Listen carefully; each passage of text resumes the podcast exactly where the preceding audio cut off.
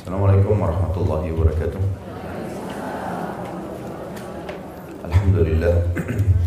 Selalu saja kita memuji Allah yang selalu melihat, mendengar dan mengetahui segala gerak gerak-gerik kehidupan kita. Dan dia maha adil dalam setiap keputusannya serta tidak ada sekutu bagi dalam setiap kegiatannya. Dia telah menggantungkan segala kebutuhan kita untuk roda kehidupan di muka bumi ini dengan memuji namanya Alhamdulillah. Maka selalulah bersyukur dan mengucapkan kalimat ini. Selanjutnya kita panjatkan salam hormat kita penuh dengan cinta dan rindu kepada manusia yang telah diperintahkan oleh Allah untuk mengucapkan salam hormat kepadanya. Dan juga diperintahkan untuk menciplak hidup manusia terbaik ini menjadikannya sebagai suri tauladan makannya, minumnya, berpakaian dan semua lini kehidupannya dan pasti akan mendatangkan kebahagiaan karena memang itu tergambarkan dalam kehidupan manusia terbaik ini. Mengucapkan salam hormat sekali saja kepadanya akan dibalas 10 kali tambahan rahmat oleh sang pencipta secara langsung. Maka sangat wajar kalau kita selalu membacakan salawat dan taslim kepada Nabi besar Muhammad sallallahu alaihi wasallam. Melanjutkan bahasan kita kitab At-Tadhkirah bekal menghadapi kehidupan abadi yang ditulis oleh Imam Syamsuddin Al-Qurtubi rahimahullah. Kita masuk ke halaman 38 bahasan atau sub bahasan baru doa ketika memasuki wilayah pekuburan dan hukum menangis di sisi kuburan.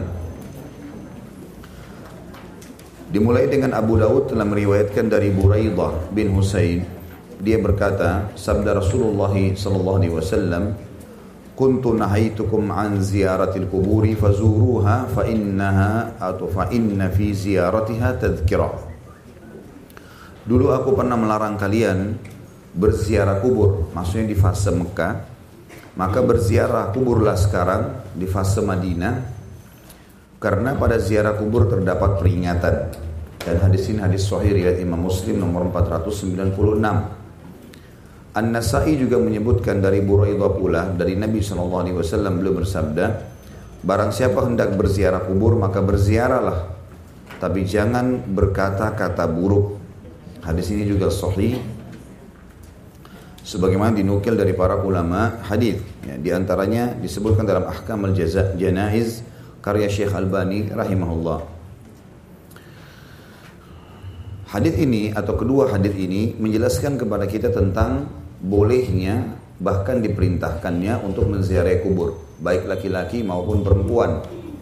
Dan sudah pernah kita jelaskan Bapak Ibu sekalian kalau di fase Mekah dulu dilarang ziarah kubur. Tapi secara khusus wanita. Laki-laki pun pada saat itu ada larangan ya, tapi tidak seperti larangan bagi kaum wanita karena juga ada hadis yang berbunyi Allah melaknat para wanita penziarah kubur. Karena di Mekah fasenya masih susah sekali kuburan umat Islam masih sangat terbatasnya. Artinya dari 13 tahun dakwah Nabi SAW di Mekah yang masuk Islam 152 orang, 153 orang saja. Dan itu umumnya umumnya hidup ya mereka umumnya hidup dan hijrah bersama Nabi SAW ke Madinah. Ada juga yang meninggal tapi meninggalnya di negeri Habasyah. Jadi memang tidak ada maslahat waktu itu untuk menziarahi kubur. Nah, rata-rata kuburnya orang-orang kafir gitu. Walaupun itu adalah kerabat-kerabat mereka sendiri. Masih banyak ritual-ritual ya, yang memang dilarang dalam agama Islam. Setelah hijrah Nabi SAW ke Madinah, beliau mengatakan, dulu saya pernah larang kalian ziarah kubur di Mekah, maka sekarang di fase Madinah sudah ada kuburan khusus untuk umat Islam. Bahkan Madinah menjadi kota Islam pada saat itu, maka sekarang datangilah, ziarahilah laki-laki dan perempuan karena pada ziarah kubur itu peringatan. Artinya mengingatkan kita kalau hakikat kehidupan dunia ini akan kita lalui dan kita akan meninggal semuanya. Serta sebagaimana sudah kita jelaskan di bab-bab awal buku kita ini, kalau mati tidak mengenal umur, tidak mengenal paras wajah, tidak mengenal poster tubuh, tidak mengenal uh, kekayaan, tidak mengenal status, ya semuanya akan meninggal dunia. Maka kuburan adalah tempat yang paling baik untuk menjadi peringatan bagi setiap orang di antara kita. Juga sabda Nabi SAW tadi hadis yang kedua, barang siapa hendak berziarah kubur maka berziarahlah, tapi jangan berkata-kata buruk. Dalam arti kata jangan lagi sebutkan keburukannya si mayit. Tidak perlu kita sebutkan keburukan si mayit. Ya. Umumnya semua orang yang sudah mati kita dilarang menyebutkan keburukannya secara umum. Sudah selesai. Kata Nabi SAW kepada para sahabat, janganlah kalian mengucapkan kata-kata buruk kepada jenazah kalian, siapa pun dia, gitu kan? Karena sungguhnya dia telah menuju kepada Tuhannya. Artinya, kalaupun dia buruk, dia sudah dihukum oleh Allah Subhanahu Wa Taala. Tentu di sini masuk segala macam kata-kata ya, baik itu mencaci maki, baik itu menghina bentuk kuburannya, baik itu e, berkata-kata buruk di sini masuk dalamnya berkata maksiat ya. Sebagaimana banyak orang yang maaf berpacaran di kuburan misalnya. E, nah, ini semua tidak ada di kuburan tidak boleh sama sekali. Kemudian selanjutnya Abu Umar menyebutkan pula sebuah hadis dari Ibnu Abbas radhiyallahu anhu dari Nabi sallallahu alaihi wasallam beliau bersabda ma min rajulin yamurru bi qabri akhihi al-mu'mini kana ya'rifuhu fa sallama alaihi illa radda alaihi salam Tapi sebelum saya baca terjemahan hadis ini perlu kita ketahui adalah hadis mungkar, artinya hadis yang tidak benar. Ya. Dikarenakan ini tentu disebutkan oleh Ibnu Rajab dalam buku beliau Ahwal al-Kubur tapi Ar-Rabi bin Sulaiman Al-Muadzin dia berkata telah menceritakan kepada kami Bashar bin Bakar dari Al-Ausi dari Atta ada di footnote itu ya di halaman 39 dari Ubaid bin Umar dari Ibnu Abbas secara marfu maka dia sebutkan hadis ini kemudian kata Ibnu Rajab hadis ini telah ditakhrij oleh Ibnu Abdul Bar sementara Abdul Haq Al-Ishbili berkata isnad hadis ini sahih maksudnya bahwa semua perawinya thiqah. Memang begitu, namun demikian hadis ini gharib, bahkan mungkar. Ya, ini yang dikatakan oleh peneliti hadis ini. Tetapi tentu uh, kita kembali kepada induk buku karena ini peneliti yang mengadakan penelitian dan hasil penelitian juga harus tetap diteliti kembali ya. Secara umum hadis ini diangkat oleh Imam Qurtubi yang memang hidup di fase tahun 700-an Hijriah. Maka hadis ini ada sebagian ulama di antaranya Ibn Abdul Bar yang berpegang padanya ya. Yang artinya tidaklah seorang laki-laki lewat di kubur saudaranya yang dia kenal lalu dia mengucapkan salam kepadanya melainkan saudaranya itu menjawab salamnya. Secara makna kalaupun hadis ini dinilai mungkar, secara makna ada hadis sahih yang membenarkan ini. Seperti misalnya hadis Nabi SAW riwayat Imam Bukhari tentang siapa pun yang lewat kuburan lalu dia mengatakan assalamualaikum darah kaumin mukminin dia mengucapkan keselamatan untuk kalian wahai penduduk e, negeri orang-orang beriman gitu kan? Jadi ada pengucapan salam. Berarti pengucapan salam ada jawaban. Cuma hadis ini lebih terinci mengatakan tidak ada seseorang yang mengucapkan salam kecuali si mayit akan menjawabnya cuma memang dia tidak dengar Demikian pula diriwayatkan secara mauquf dari Abu Hurairah radhiyallahu anhu, jika orang tidak mengenalnya dan mengucapkan salam maka si mayit itu juga menjawab salamnya. Dan ini hadis yang mauquf disebutkan oleh Ibnu Tulun dalam kitab At-Tahrir Al-Masya Al-Muras Al-Murakhas ya. Murassakh ya. Maaf At-Tarikh Al-Murassakh. Ini soalnya bahasa Arabnya ditulis dalam bahasa Indonesia ya. Nomor 623 di mana dia mengatakan bahwasanya hadis ini diriwayatkan Ibnu Abi Dunya dalam kitab Al-Kubur dan Al-Baihaqi dalam Asy-Syu'ab tapi muhakkiknya mengutip kritikan tentang hadis ini dari Ibnu Jauzi dalam kitabnya dan sebagian ulama di antaranya Abdurrahman bin Zaid bin Aslam adalah dhaif atau perawi hadis ini adalah orang yang dhaif tapi sekali lagi hadis ini oleh Ibnu oleh Imam Qurtubi rahimahullah diangkat dan beliau termasuk bagian orang yang menganggap hadis ini boleh dipakai sebagai rujukan. Kalau orang-orang yang di kuburan akan menjawab salam orang yang mengucapkan salam di depan kuburan, tapi memang dia tidak mendengarnya. Adapun mengenai doa yang diucapkan saat memasuki wilayah pekuburan, maka menurut riwayat Muslim dari Aisyah radhiyallahu anha dia berkata, saya pernah bertanya, wahai Rasulullah, apa yang harus aku ucapkan jika aku masuk pekuburan?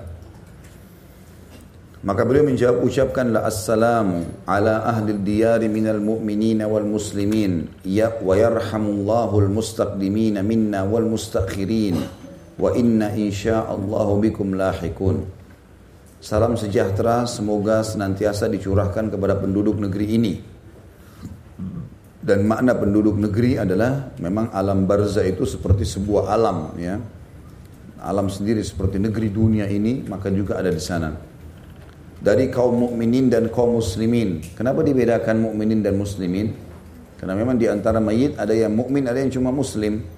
Mukmin artinya tingkat levelnya sudah mengamalkan rukun Islam dan mengimani keenam rukun iman. Kalau muslim berarti dia masih mengamalkan rukun Islamnya. Ya, tetapi kemungkinan ada rukun iman yang dia masih bimbang. Maka disilakan dengan muslim walaupun semua muslim, eh, semua mukmin pasti muslim. Tidak semua muslim itu mukmin, ya. Karena mukmin level di atasnya. Semoga Allah, tapi semua kita doakan. Semoga Allah merahmati orang-orang terdahulu dan orang-orang yang datang kemudian. Sesungguhnya kami, jika Allah menghendaki juga akan menyusul kalian semuanya. Dan ini dalam Sahih Muslim nomor 947. Hadis ini juga dikeluarkan oleh Muslim dari Buraidah dengan tambahan as'alullah lana walakumul afiyah. Aku memohon kepada Allah kesentosaan, maksudnya keselamatan bagi kami dan bagi kalian semuanya. Riwayat Imam Muslim nomor 975.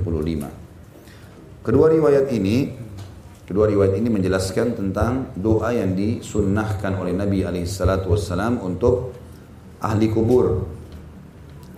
Dan perkataan di sini assalamu ala ahli diyar, salam sejahtera semoga senantiasa dicurahkan kepada penduduk negeri sudah saya katakan tadi memang mereka hidup di alam.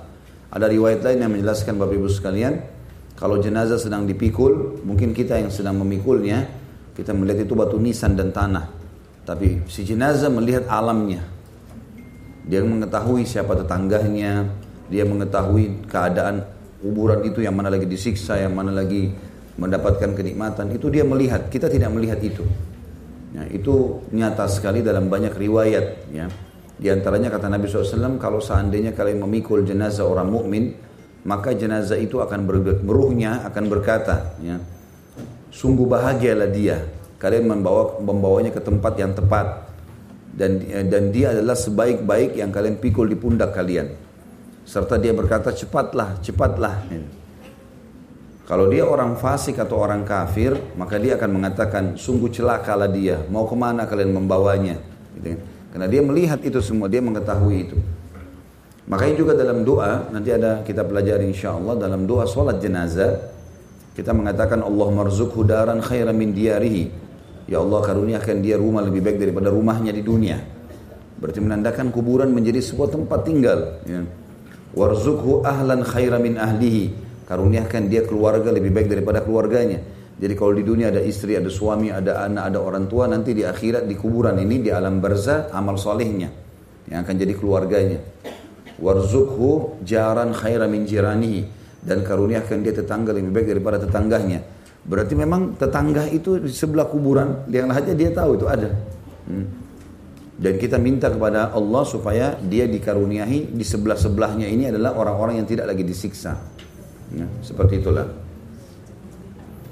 Makanya dalam potongan selanjutnya dikatakan, ya, As'alullah lana walakumul afiyah. Aku memohon kepada Allah keselamatan buat kami dan juga buat kalian. Ini kita minta untuk itu. Ya. Juga makna daripada potongan doa ini wa yarhamullahul mustaqdimina minna wal mustakhirin dan semoga Allah merahmati dan memaafkan orang-orang yang terdahulu dari kalian dan orang-orang yang akan menyusul di antara kami. Ini menandakan memang ada interaksi. Kita boleh mengirimkan doa dan istighfar untuk si mayit memohon agar Allah Subhanahu wa taala membersihkan kesalahan mereka. Karena semua dosa ini Bapak Ibu sekalian harus dihukum. Bedanya alam kuburan dengan neraka ya, bagi orang yang kena siksaan naudzubillah maka kuburan itu akan tetap disiksa walaupun belum tentu masuk ke dalam ke dalam neraka. Jadi misalnya ada orang berbuat dosa, kalau dia masih punya dosa-dosa, itu masih perlu dibersihkan, maksudnya masih perlu dihukum di kuburan. Sesuai dengan sabda Nabi SAW waktu beliau pernah lewatin dua kuburan, beliau mengatakan sesungguhnya dua pemilik kuburan ini sedang disiksa. Yang salah satunya adalah orang yang tidak cebok pada saat kencing. Jadi orang anggap remeh kan. Sebagian ulama hadis bahkan lebih peka mengatakan orang yang asal-asalan pada saat cebok sehingga tidak tidak suci benar sehingga masih netes di masih ada tersisa maaf di kemaluannya masih tersisa di pakaiannya itu sudah cukup cukup mendatangkan azab kubur. Tapi tidak ada ancaman di api neraka gara-gara orang yang tidak cebok misalnya. Maka kata para ulama berarti ini azabnya datang di kuburan karena nanti di akhirat untuk masuk ke neraka harus ditimbang amalnya dulu. Bisa saja nanti di akhirat mungkin dia dosanya lebih baik daripada pahalanya tapi ada syafaat, ada pengampunan dari Allah juga. Maka berkuranglah dosanya dia masuk surga. Ini, tadinya dia penghuni neraka, tapi kubur nggak bisa. Makanya Utsman bin Affan radhiyallahu anhu pernah nangis-nangis waktu baca tentang kuburan sampai pingsan. Istrinya coba bangunkan, dia nggak bangun-bangun. Maka istrinya takut kalau dia sudah meninggal karena memang di akhir hidup beliau radhiyallahu anhu. Jadi suka sekali baca Quran, yang terkenal sekali radhiyallahu anhu. Maka pada saat itu istrinya manggil beberapa sahabat yang masih hidup. Mereka pun datang membangunkannya sampai akhirnya dia bangun. Lalu kemudian mereka berkata, wahai Amir Mukminin, waktu itu jadi raja dia, wahai pemimpin orang-orang beriman, apa yang membuat anda sampai seperti ini? Kami sudah khawatir, kami pikir anda sudah meninggal. Kata dia, aku membaca ayat tentang kubur. Ya. Ayat yang sudah hafal kita semua hal atau uh, eh, apa namanya? Uh, hatta zurtumul maqabir. Ya. Sampai kalian uh, masuk dan mendatangi kuburan itu. Waktu membaca ayat ini saja di juz 30 ya.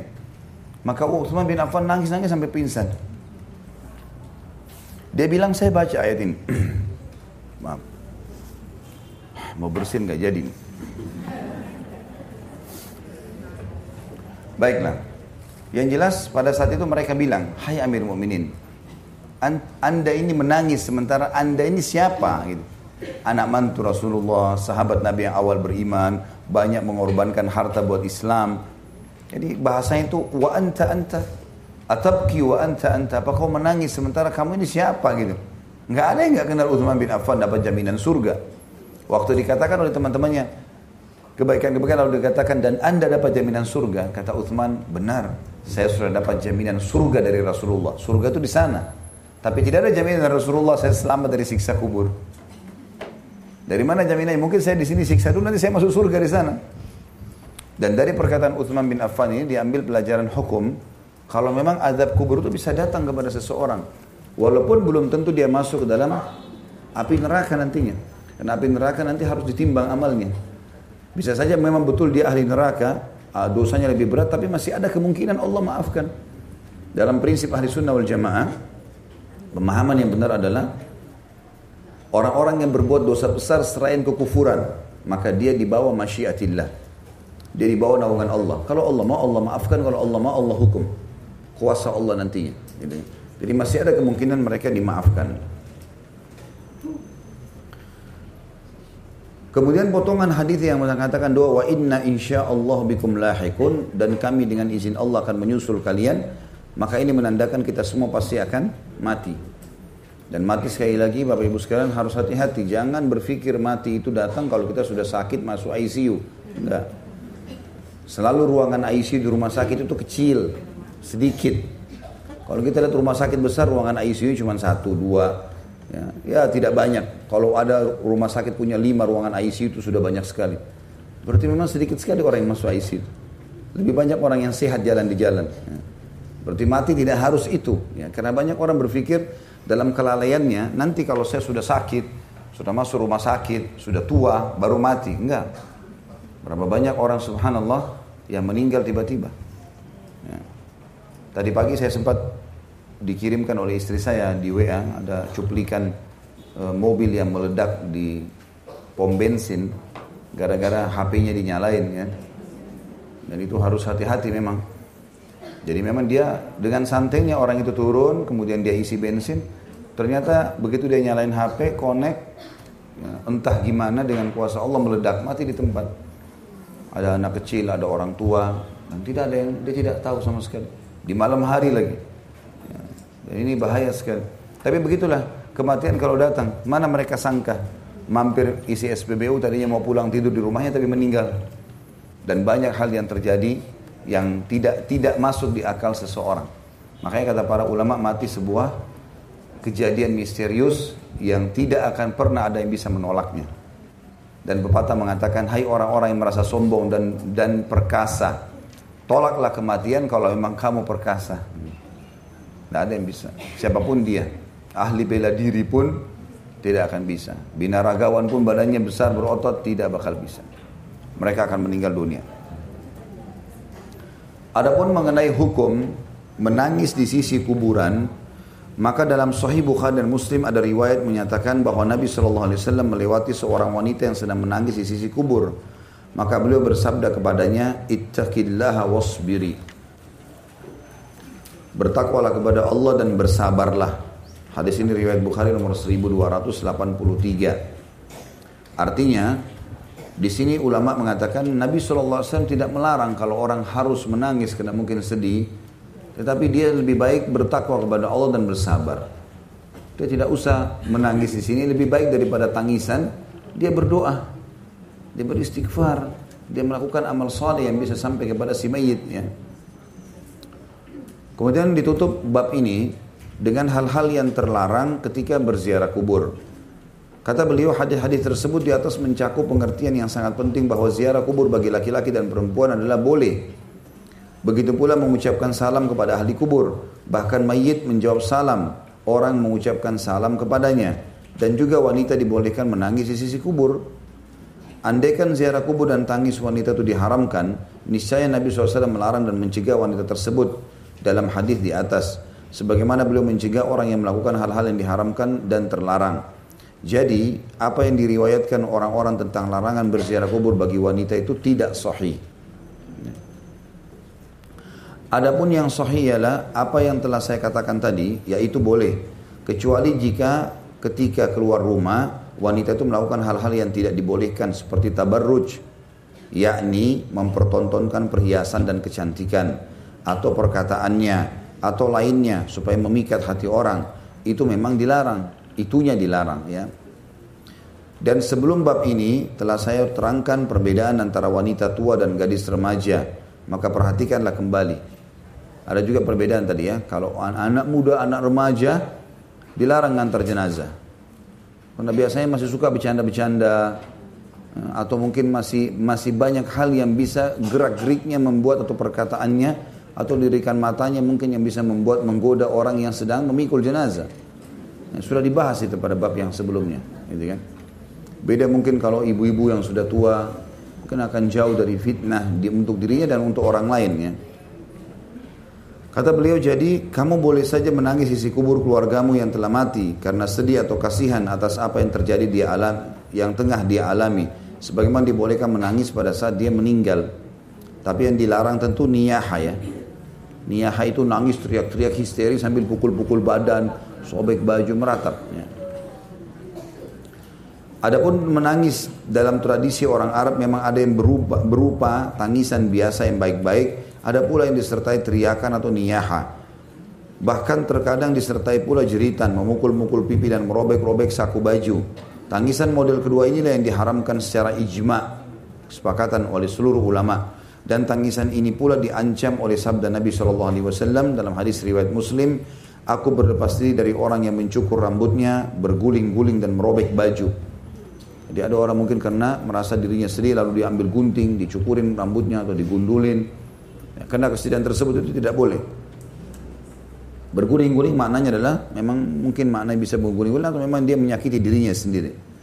Adapun tangisan tanpa teriakan maka ada hadis yang membolehkan itu. Baik di kuburan maupun ketika seseorang baru meninggal, yaitu tangisan kasih sayang yang sulit dihindari oleh manusia. Bahkan Nabi sendiri SAW pernah menangis ketika putra beliau Ibrahim meninggal. Begitu pula Umar bin Khattab berkata, Da'hunna yabkina ala Abi Sulaiman malam yakun naq'un au laqlaqa. Biarkan para wanita itu menangis atas meninggalnya Abu Sulaiman selama tidak disertai teriakan atau teriakan terus menerus. Makna naqu artinya suara keras dan lak lak lak laka ya. Lak laa.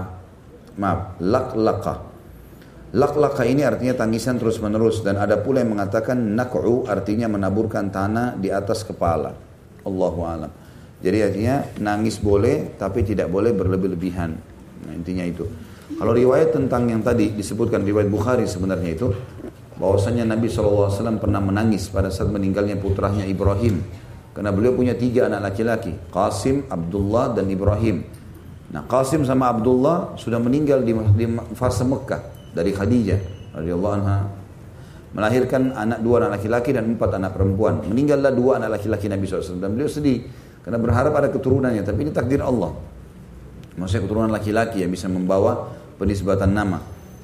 Ternyata di fase Madinah eh, beliau mendapatkan anak Ibrahim laki-laki dari Maria. Maka Ibrahim pun juga meninggal di umur masih di bawah dua tahun. Maka Nabi SAW mengatakan sambil meneteskan air mata, Sesungguhnya wahai Ibrahim, kami sedih dengan uh, meninggalnya kamu atau berpisahnya engkau dengan kami, tapi kami tidak akan mengucapkan kecuali yang Tuhan kami ridhoi. Karena Nabi SAW tidak sama sekali mengucapkan kata-kata yang tidak baik. Kenapa ya Allah atau protes Allah enggak. Ini keputusan yang terbaik dari sang pencipta Allah subhanahu wa ta'ala. Baik selanjutnya tanda-tanda iman pada diri orang yang mati. Seseorang yang meninggal dunia dalam keadaan beriman bisa ditandai dengan keluarnya keringat pada pelipisnya. Nah. Hal ini sesuai dengan hadis yang diriwayatkan oleh Ibnu Majah dari Buraidah bahwasanya Nabi SAW bersabda, hadis ini dengan sanad hasan, al-mu'minu yamutu bi arakil jabin. Orang mukmin itu meninggal dengan keringat di pelipisnya. Dan diriwayatkan pula dari Salman Al-Farisi radhiyallahu dia berkata, saya pernah mendengar Rasulullah SAW bersabda, Perhatikanlah tiga hal pada seorang mayit ketika dia meninggal. Jika pelipisnya berkeringat, matanya berlinang, dan lubang hidungnya mengembang, itu adalah rahmat dari Allah yang telah turun kepadanya. Jika dia mendekur, mendengkur seperti onta muda yang dicekik, padam roman mukanya, dan berbui kedua sudut mulutnya, maka itu adalah azab Allah yang menimpahnya. Hadis ini, hadis di atas uh, telah ditakhrij oleh Abu Abdullah Tirmidzi Al-Hakim dalam kitabnya Nawadir Al-Usul dan dia katakan bahwa Abdullah berkata sungguhnya orang mukmin itu masih tersisa padanya beberapa kesalahan. Maka kesalahan-kesalahan itu dikurangi saat dia meninggal. Maksudnya dibalas. Oleh karena itu pelipisnya berkeringat. Kalau ada yang bertanya kenapa harus pelipisnya berkeringat? Pertama itu takdir Allah. Urusan dari Allah. Yang kedua memang dari riwayat ini disebutkan kalau Abdullah bin Umar berkata, orang beriman itu kalau masih tertinggal dosanya maka akan berbentuk keringat keluar dari pelipisnya untuk membersihkan dia. Dan kata sebagian ulama, mukmin itu pelipisnya berkeringat karena malu kepada Tuhannya atas pelanggaran-pelanggaran yang telah dilakukannya. Karena anggota-anggota tubuh bagian bawah telah mati dan masih tersisa kekuatan hidup dan aktivitas-aktivitas di bagian atas. Maka rasa malu itu tampak di kedua matanya. Dan saat itulah memang waktunya merasa malu. Karena kan orang kalau mati, sebagian ulama mengatakan mati itu ditarik dari kaki ya keluarnya. Dan itu sudah ada beberapa rumah sakit yang mengadakan penelitian, didatangkan kamera tercanggih, lalu dilihatlah orang yang melalui proses sakarat ini. Dan memang yang tadinya ada garis merah di tubuhnya yang menandakan masih ada kehidupan, itu berubah menjadi garis biru yang mendingin dari kakinya. Sampai terakhir dari ubun-ubun kepalanya.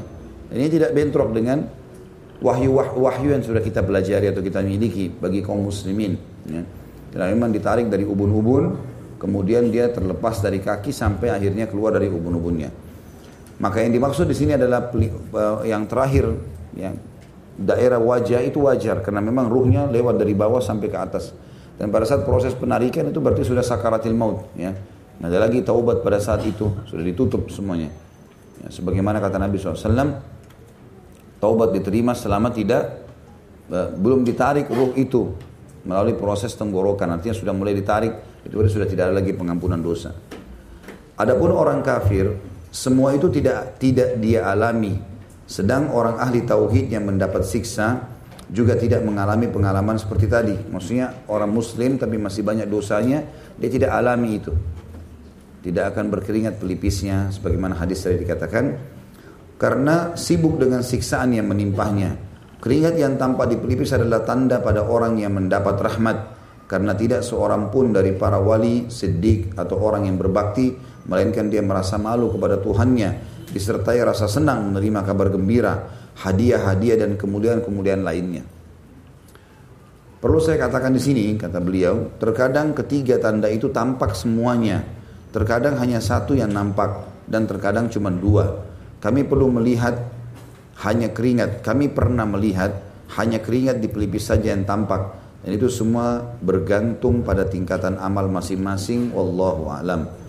Dalam hadis riwayat Ibnu Mas'ud disebutkan kematian orang mukmin itu bisa ditandai dengan keringat di pelipis masih ada padanya sisa dosa-dosanya maka akan dikurangi saat dia meninggal. Maksudnya diperberat guna membersihkan dosa-dosanya. Dan ini disebutkan dalam Ahkam al-Janais karya Syekh Albani rahimahumullah. Kita masuk sekarang ke keluarnya nyawa orang mukmin dan orang kafir. Abu Nuaim menyebutkan dalam buku beliau telah mentakhrij sebuah hadis dari Al-A'mash dari Ibrahim dari Al-Qamah dari Abdullah ibn Umar. Dia berkata bersabda Rasulullah SAW inna nafsal mu'min takhruju rashhan wa inna nafsal kafira tusallu kama tusallu nafsul himari wa innal mu'mina la ya'malu la ya'malu al-khati'ata fayushaddadu alayhi indal mauti liyukaffira biha anhu wa innal kafira la ya'malul hasanata fayusahhal alaihi indal mauti liyujza biha dan ini hadis untuk riwayat Tirmidzi dengan sanatnya ada sebagian ulama melemahkannya tapi Imam Tirmidzi menghasankannya. Sesungguhnya nyawa orang mukmin keluar seperti keringat sedang nyawa orang kafir dihunus seperti dihunusnya nyawa keledai. Ya. Keledai umumnya kalau meninggal tuh sambil teriak-teriak ya. Dan sesungguhnya orang mukmin itu pernah melakukan kesalahan selama di dunia sehingga diberatkan ketika meninggal dunia untuk menghapus kesalahannya. Dan sesungguhnya orang kafir pun pernah melakukan kebaikan selama hidupnya, maka dimudahkan ketika meninggal dunia untuk membalas kebaikannya itu. Tapi tidak akan berguna buat dia. Mungkin dia pernah bakti sama orang tuanya, dia pernah sodaka, dia pernah apa saja. Itu dalam Islam dianggap baik, tapi tidak berguna buat dia. Maka yang paling sederhana adalah di, dimudahkan pada saat dia meninggal. Dalam arti kata dimudahkan di sini adalah tidak ada sesuatu yang bertanda-tanda di wajahnya atau di tubuhnya. Tapi tetap dia kena azab dan siksaan. Lebih dalam lagi apa yang dialami manusia saat nyawanya dicabut? Ini bahasan baru. Sebelum nyawa manusia dicabut terlebih dahulu ia akan mengalami berkali-kali pingsan atau sakaratil maut. Anggota-anggota tubuhnya mengucapkan selamat berpisah satu sama yang lain dan hal-hal lainnya. Ini kata Imam Qurtubi. Sakaratil maut Allah Subhanahu wa taala menerang ini judul subjudulnya Sakaratil maut. Allah Subhanahu wa taala menerangkan betapa berat proses kematian dialami manusia pada empat ayat Al-Qur'an. Yang pertama surah Qaf ayat 19. Firman Allah, "A'udzu billahi minasyaitonir rajim, wa sakaratul maut bil haqq." Dan datanglah sakaratil maut yang sebenar-benarnya. Dan sakarat artinya prosesi keluarnya ruh ya. Yang kedua firman Allah Subhanahu wa taala Al-An'am 93 A'udzu billahi minasyaitonir rajim walau tara idz zalimuna fi gamaratil maut Alangkah dahsyatnya sekiranya kalian melihat di waktu orang-orang yang zalim berada dalam tekanan-tekanan sakaratil maut. Yang ketiga Al-Waqi'ah 83 A'udzu billahi minasyaitonir rajim falaula idza balagatil hulqum maka kenapa ketika nyawa sudah sampai di kentor, kerongkongan ya. Itu ada lanjutan ayat wa antum hina idin tanurun dan kalian pada saat itu melihat nyatanya ya. Ini nanti kita bahas. Kemudian yang keempat firman Allah dalam surah Qiyamah ayat 26 yang bunyinya a'udzubillahi minasyaitonirrajim kalla idza balagatit taraqi. Sekali-kali jangan apabila maksudnya sekali-sekali sekali-kali tidak akan mungkin seseorang itu menolak apabila nafas seseorang telah mendesak sampai ke kerongkongannya. Sementara itu Al-Bukhari, Imam Bukhari telah meriwayatkan dari Aisyah radhiyallahu anha bahwa di hadapan Rasulullah SAW pada saat beliau akan meninggal ada sebuah wadah atau bejana berisi air.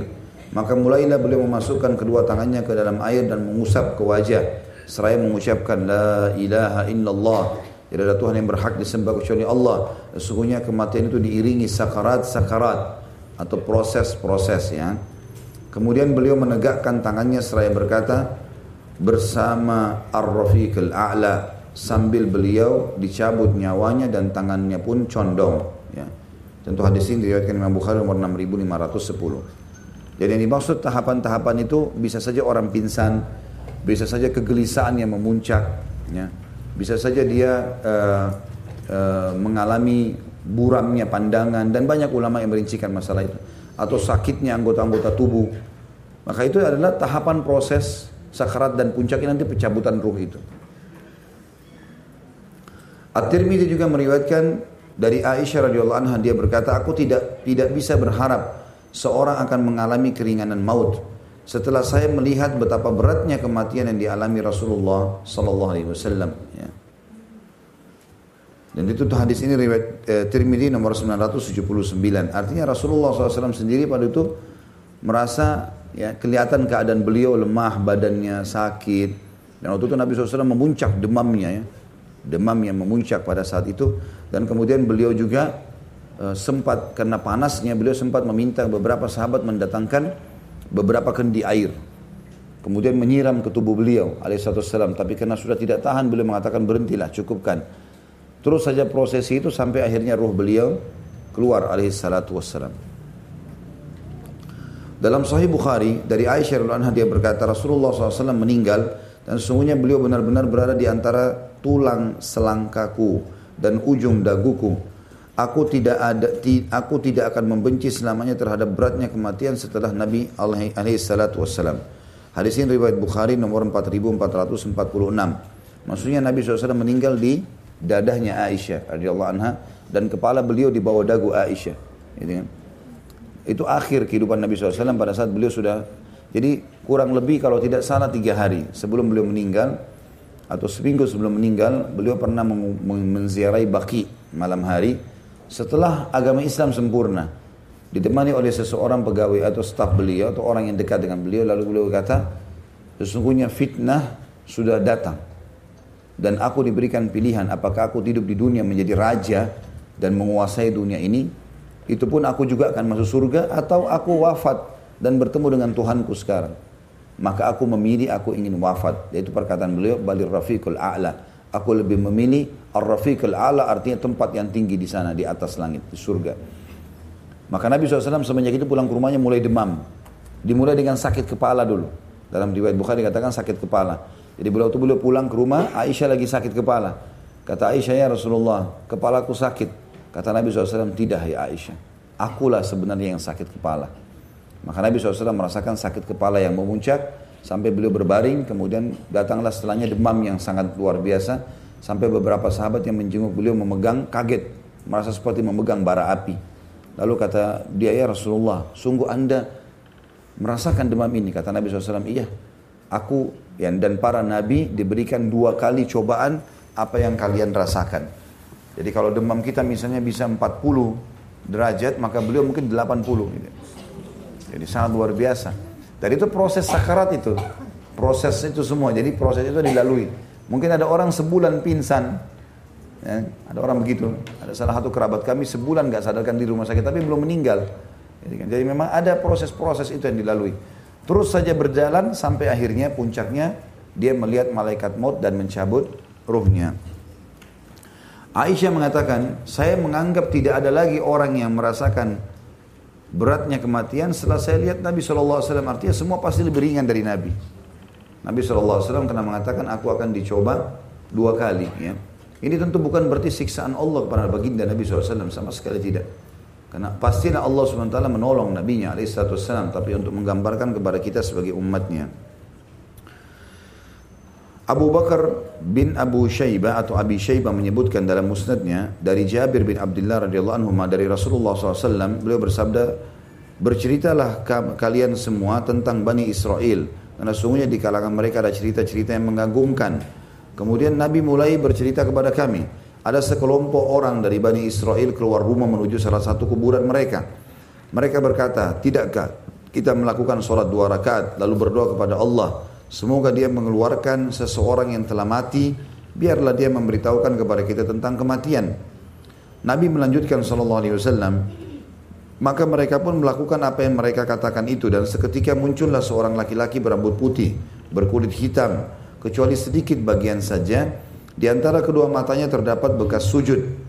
Laki-laki itu berkata, Hai orang-orang semuanya, mau apa kalian datang kepadaku? Aku ini telah meninggal sejak 100 tahun yang lalu. Namun panasnya kematian belum reda juga sampai sekarang. Maka berdoalah kalian kepada Allah supaya mengembalikan aku seperti semula. Nah, di hadis ini tentu hadis yang jayid atau bisa diterima sebagaimana telah disepakati oleh para ulama-ulama hadis. Masalah kasus yang kita perlu titik beratkan adalah menceritakan tentang Bani Israel. Ada juga riwayat yang lain kata Nabi SAW, jangan kalian membenarkan Bani Israel dan jangan juga kalian menyalahkan. Kalau apa yang mereka sampaikan sesuai dengan wahyu, seperti kasus ini misalnya. Adanya cerita tentang Bani Israel sebelum kita dulu yang sempat mendatangi kubur, mereka sholat, memohon kepada Allah agar ada ahli kubur yang bisa menceritakan sesuatu pada mereka. Ini terjadi. Dan Nabi sampaikan berarti kita terima gitu kan. Kalau ada penyampaian dan pembenaran dari wahyu kita atau wahyu yang kita terima maka kita benarkan. Kata Nabi SAW, jangan kalian salahkan, jangan kalian benarkan. Tapi kalau misal ada yang benar maka sesuai dengan penyampaian wahyu dari Allah. Kalau tidak sesuai maka kita tentu tidak terima, gitu kan. Nah, di sini kita harus garis bawahi bukan berarti sabda Nabi SAW ceritakanlah berarti kita akan bebas menceritakan semuanya. Ada batasan dalam riwayat yang lain. Ya, jadi tidak boleh kita datang kepada Nasrani mengatakan misalnya atau Yahudi, coba ceritakan bagaimana uh, yang kalian tahu tentang kematian. Kita nggak perlu itu. Tapi kita perlu mempelajari dari hadis-hadis Nabi yang menyampaikan tentang mereka. Ini ya. Itu yang dimaksud di sini ya. Jadi kalau kayak ini ada hadis, Nabi menceritakan dulu orang sebelum kalian ada tiga orang yang jalan, kemudian mereka masuk gua lalu turunlah batu menutupinya. Lalu Nabi ceritakan tentang mereka. Dulu ada orang sebelum kalian yang dia jalan kemudian untanya atau keledainya mati lalu dia berdoa kepada Allah agar dihidupkan kembali. Itu cerita dari Nabi SAW tentang mereka. Maka ini pasti benar. Tapi bukan berarti maknanya kita datang kepada Bani Israel atau kita datang ke Yahudi dan Nasrani lalu kita mengatakan ceritakan dong bagaimana yang kalian tahu tentang mati. Itu nggak perlu. Ya, ini yang dimaksudkan dengan kita boleh bercerita tapi yang disampaikan oleh baginda Nabi alaihissalatu wassalam. Ada sub bahasan di sini ucapan selamat tinggal dan rasa sedih. Adapun menurut riwayat Abu Habs atau Abu Hab uh, Hadbah Ibrahim bin Hadbah dia berkata telah bercerita kepada kami Anas bin Malik radhiyallahu anhu dari Nabi SAW, sungguhnya semua manusia pasti mengalami kesusahan mati dan sakaratil maut. Dan sungguhnya sendi-sendi tulangnya masing-masing mengucapkan salam perpisahan kepada yang lain. Seraya berkata, semoga kamu sejahtera kamu berpisah dariku dan aku pun berpisah darimu sampai hari kiamat. Ya. Kemudian begitu pula Al-Muhasibi menyebutkan dalam kitabnya Ar-Ri'ayah bahwa Allah Ta'ala pernah berfirman kepada Ibrahim alaihissalam, Hai kekasihku, bagaimana rasanya kematian? Maka Ibrahim menjawab, bagaikan batang besi pemanggang daging yang dipanaskan, dimasukkan ke dalam wall yang basah, lalu ditarik Allah berfirman, padahal sungguh kami benar-benar telah meringankannya untuk Muhai Ibrahim. Ya, tentu hadis ini kalau kalau khusus hadis ini tentang Ibrahim AS itu disepakati ulama maudhu. Hadis yang tidak benar ya. Tapi di sini diangkat oleh Imam Qurtubi rahimahullah dan memang tulisan beliau belum ditahkik pada saat itu ya. Maka sebagian peneliti sekarang mengadakan atau menemukan hadis ini adalah hadis yang maudhu dan diriwayatkan pula bahwa ketika Musa AS ruhnya dipanggil pulang kepada Allah maka dia bertanya kepadanya, Hai Musa bagaimana rasanya mati? Musa menjawab, saya rasakan diriku seperti seekor burung kecil yang digoreng hidup-hidup di wajah. Tidak mati maka akhirnya bisa tenang ya. Dan tidak pula selamat maka akhirnya bisa terbang ya. Ini diriwayatkan oleh Marwazi dalam kitab Al-Janaiz. Bagaimana juga disebutkan dalam At-Tahrir Murassakh ya. Karya Ibnu Tulun. Tapi ini tidak disebutkan tentang riwayatnya dari siapa. Cuma ini gambaran ulama angkat hadis ini. Dalam riwayat lain, Nabi Musa AS berkata, saya rasakan diriku seperti seekor kambing yang dikuliti hidup-hidup oleh tukang jagalnya. Ya. Ini juga disebutkan sama oleh uh, Al-Marwazi dalam kitab Al-Janaiz.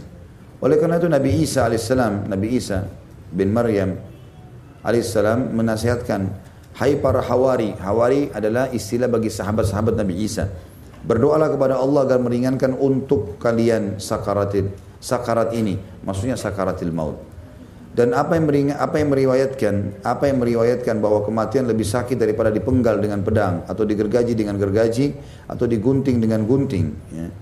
Abu Nuaim al-Hafidh menyebutkan sebuah hadis dalam kitabnya Al-Hilya dari Makhul dari Wasilah bin Al-Asqa Nabi SAW bersabda demi Allah yang menggenggam jiwaku sesungguhnya sesungguhnya melihat malaikat maut itu lebih dahsyat daripada seribu kali pukulan pedang. Hadis ini tentu Sebagian ulama melemahkannya tapi yang sebagian lain berpegang padanya. Artinya Nabi SAW menggambarkan yang dirasakan rasa sakit itu sebenarnya atau rasa ketakutan yang memuncak pada saat melihat malaikat maut. Ya, bukan masa bukan hanya prosesi pengeluaran tapi melihat saja sudah sebuah hal yang menakutkan bagi manusia. Tentang malaikat maut ini akan kita bicarakan lebih lanjut nanti insya Allah. Kata beliau, dalam menggambarkan sakaratil maut ini ada lagi sebuah hadis panjang yang diriwayatkan oleh Hamid dari Anas bin Malik radhiyallahu anhu dari Nabi wasallam. Beliau bersabda antara lain, sesungguhnya para malaikat menggurung seseorang yang akan meninggal dan menahannya.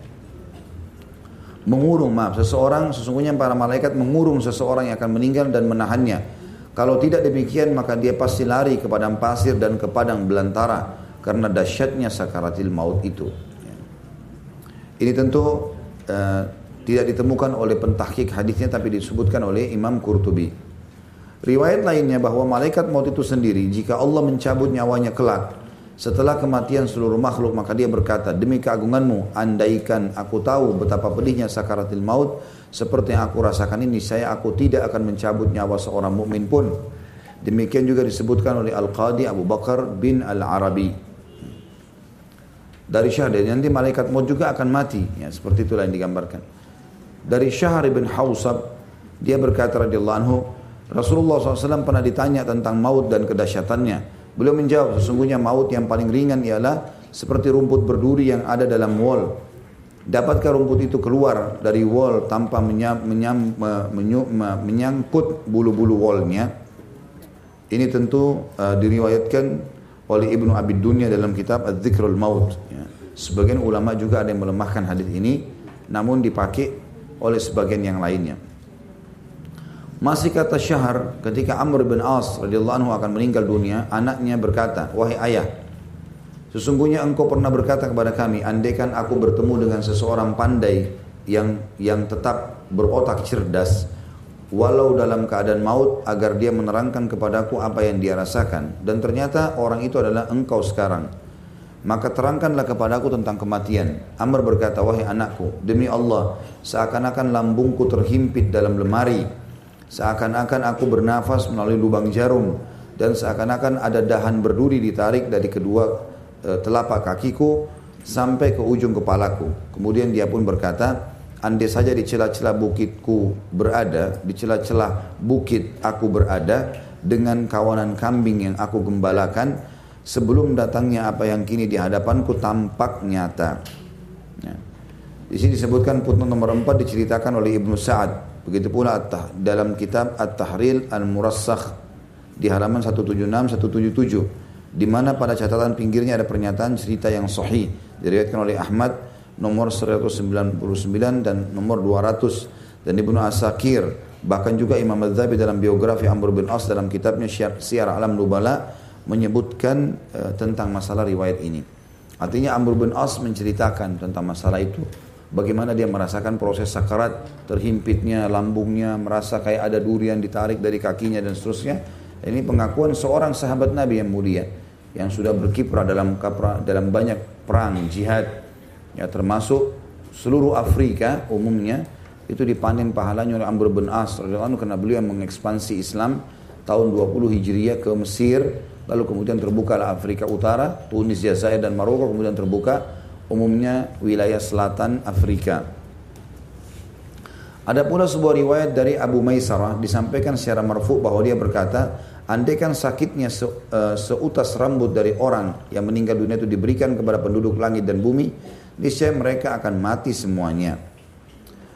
Tapi ini tidak ada asalnya, tidak ditemukan asal riwayat ini. Ini perkataan seseorang yang bernama Abu Maisarah. Dan orang-orang pun menyenandungkan syair, aku memang ingat akan binasa, tapi tak kuasa takut kepadanya.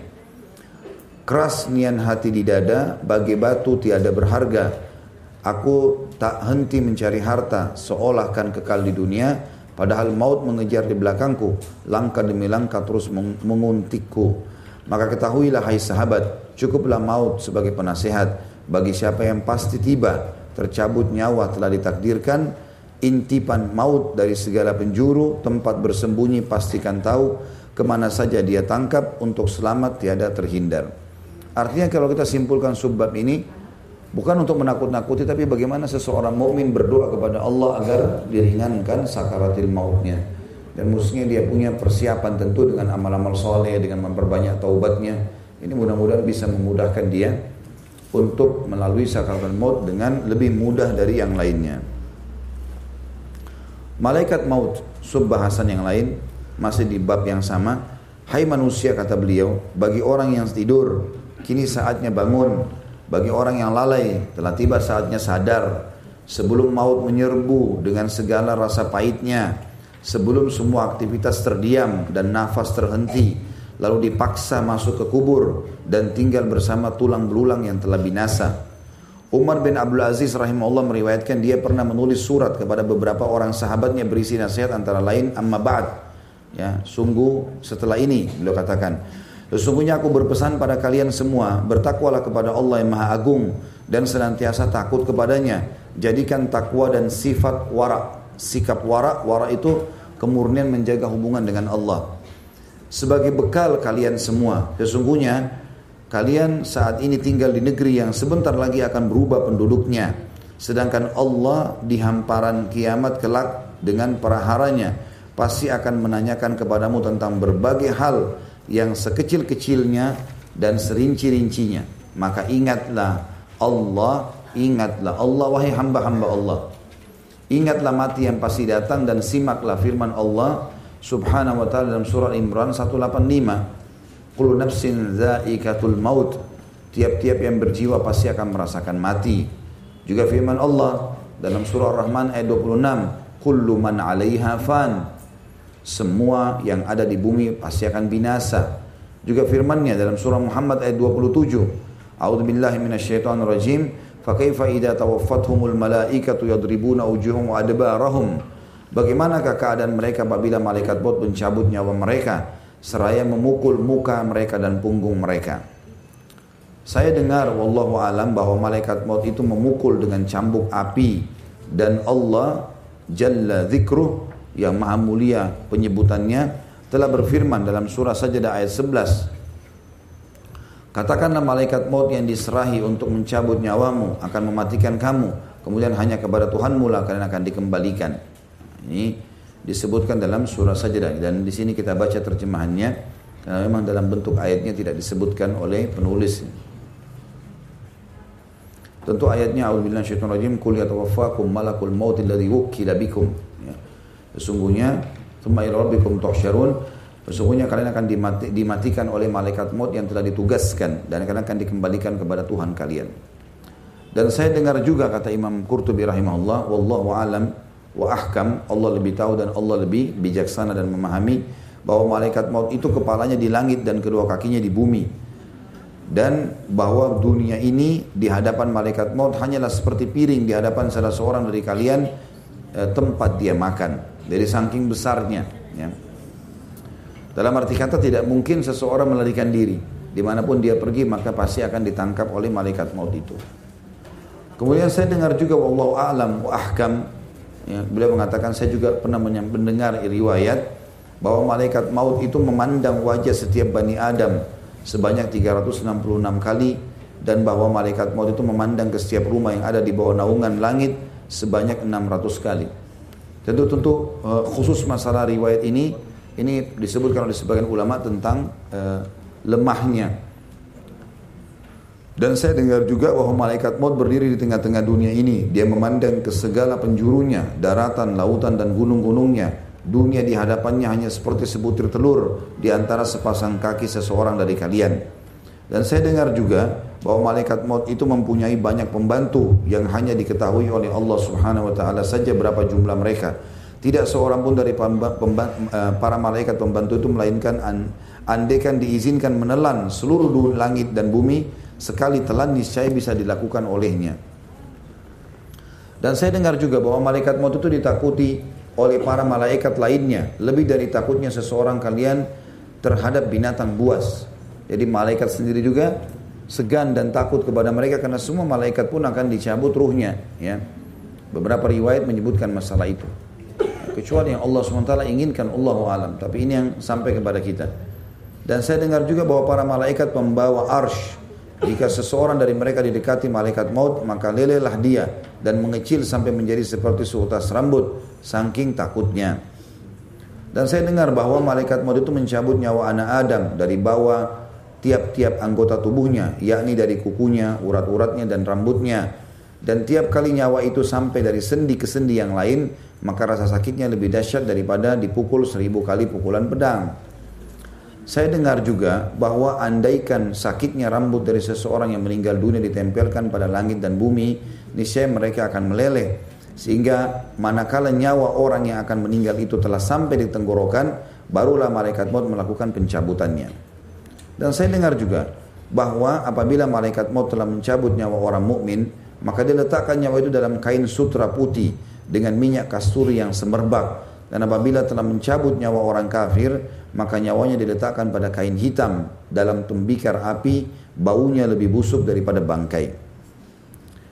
Kata beliau, ada footnote di situ, semua berita-berita yang didengar mengenai malaikat maut tersebut kami lihat tidak dilandasi dengan isnad-isnad yang sahih dari Nabi Shallallahu Alaihi Wasallam. Maka semestinya tidak patut untuk disohikan karena semua itu termasuk perkara gaib yang hanya diketahui dari wahyu. Kendati pun dari hadis-hadis sahih telah diriwayatkan secara thabit tentang betapa beratnya sakaratul maut namun di sana tidak ada rincian seperti itu dan tidak ada keterangan mengenai malaikat maut dengan sifat-sifat tersebut ya. Tetapi ada beberapa yang disebutkan oleh Imam Qurtubi sini. Memang ada riwayat ya seperti kasus ya masalah orang mukmin akan dicabut ruhnya ya dimulai dari kakinya sampai ke ubun-ubunnya lalu kemudian belum sesaat keluar lalu ditangkap oleh malaikat rahmah yang membungkusnya dengan kain kafan dari surga. Itu ada disebutkan itu ada riwayat sahih. Ada riwayat sahih yang lain juga menggambarkan. Ini tentu tidak kita katakan bentrok dengan kisah atau riwayat-riwayat ini. Karena tidak ada isnadnya kepada Nabi SAW. Tapi e, banyak riwayat yang lain menjelaskan kalau orang e, mukmin akan meninggal dunia. Kayak hadis Bukhari Muslim ya. Kata Nabi SAW, siapa yang rindu bertemu Allah, Allah rindu bertemu dengannya. Dan siapa yang benci bertemu Allah, Allah benci bertemu dengannya. Maka semua sahabat sedih pada saat itu. Mendengarkan sabda Nabi SAW. Nabi tidak tahu kalau itu berbekas pada sahabatnya. Maka beliau pun datang ke rumah lalu mendapatkan Aisyah lagi menangis.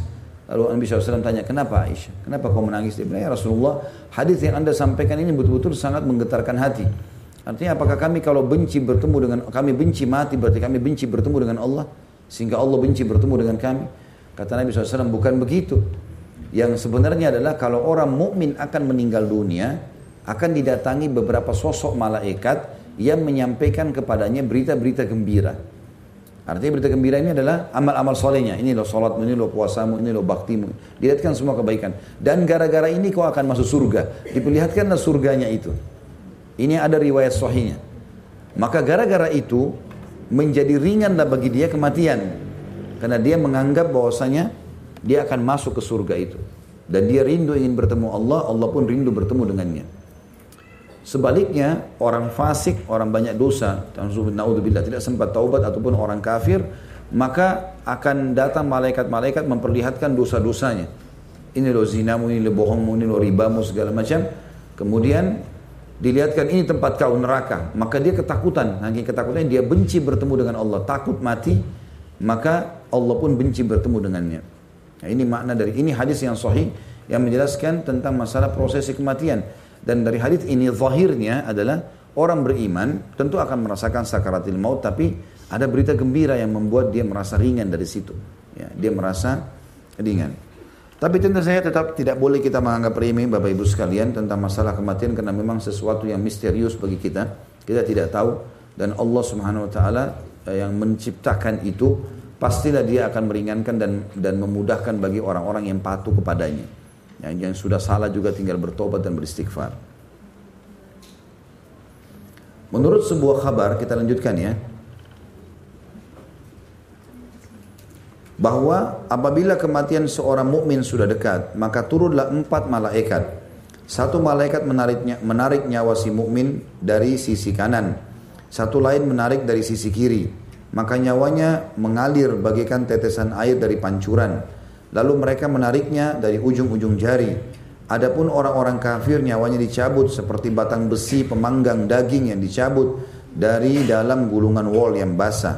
Demikian disebutkan oleh Abu Hamid, Abu Hamid dalam Kashful Ulum Al-Akhirah. Mendengarkan semua itu, kata Imam Al-Qurtubi, bayangkan dirimu hai orang yang terpedaya.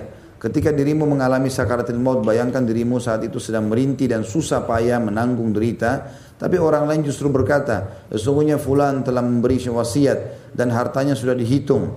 Ada lagi yang berkata, sungguh fulan sudah berat lidahnya, dia sudah tidak kenal lagi tetangganya dan tidak bisa bicara kepada saudara-saudaranya. Kata beliau, ya begitulah Seakan-akan saya bisa melihatmu saat itu mendengar pembicaraan mereka, tapi kamu tidak bisa menjawabnya. Kemudian anak perempuanmu menangis bagikan seorang tawanan. Dengan menunduk dia mengatakan, oh kekasihku, oh ayahku, siapa yang akan menanggung hidupku yang sebatang kara sepeninggalmu nanti? Siapakah yang akan memenuhi keperluan-keperluanku? Demi Allah saat itu kamu pasti mendengar perkataan mereka, tapi kamu tidak bisa menjawabnya. Bayangkan dirimu, hai anak Adam, Ketika kamu diambil dari tempat tidurmu menuju papan pemandian jenazah, lalu kamu pun dimandikan dan dibungkus kain kafan. Keluarga dan tetanggamu untuk sementara merasa kehilangan dirimu dan kamu ditangisi teman-teman dan saudara-saudaramu. Sedang orang yang memandikan tubuhmu berkata, mana istri fulan? Dicari istrinya mana? Kamu telah berpisah dengan suamimu, mana anak-anak yatim?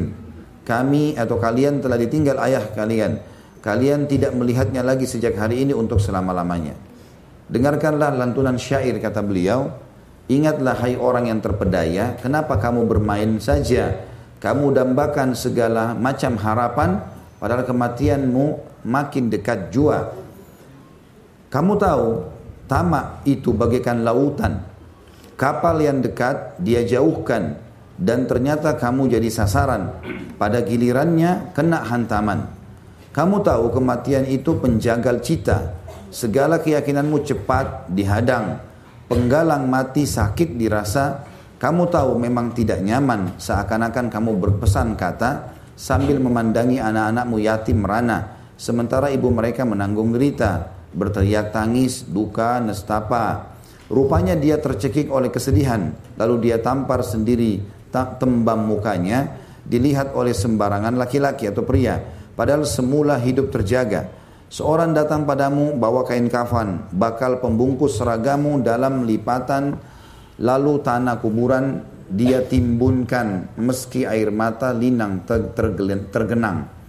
Ini syair yang menyebutkan tentang bagaimana orang harus sadar masalah prosesi kematian itu. Tentu saja Bapak Ibu sekalian ini semua seperti saya sering ucapkan ya. Kalau dalam majelis ilmu tujuannya memang untuk mempelajari kebenaran.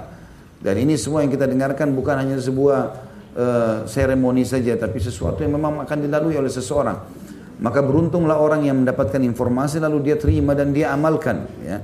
Maka mulai sekarang mestinya bertaubat kepada Allah, mengubah keadaan. Dan tidak lagi kata-kata mengatakan nanti saja atau tunda. Tidak ada waktu lagi untuk itu. Cukuplah yang berlalu sudah berlalu. Ya.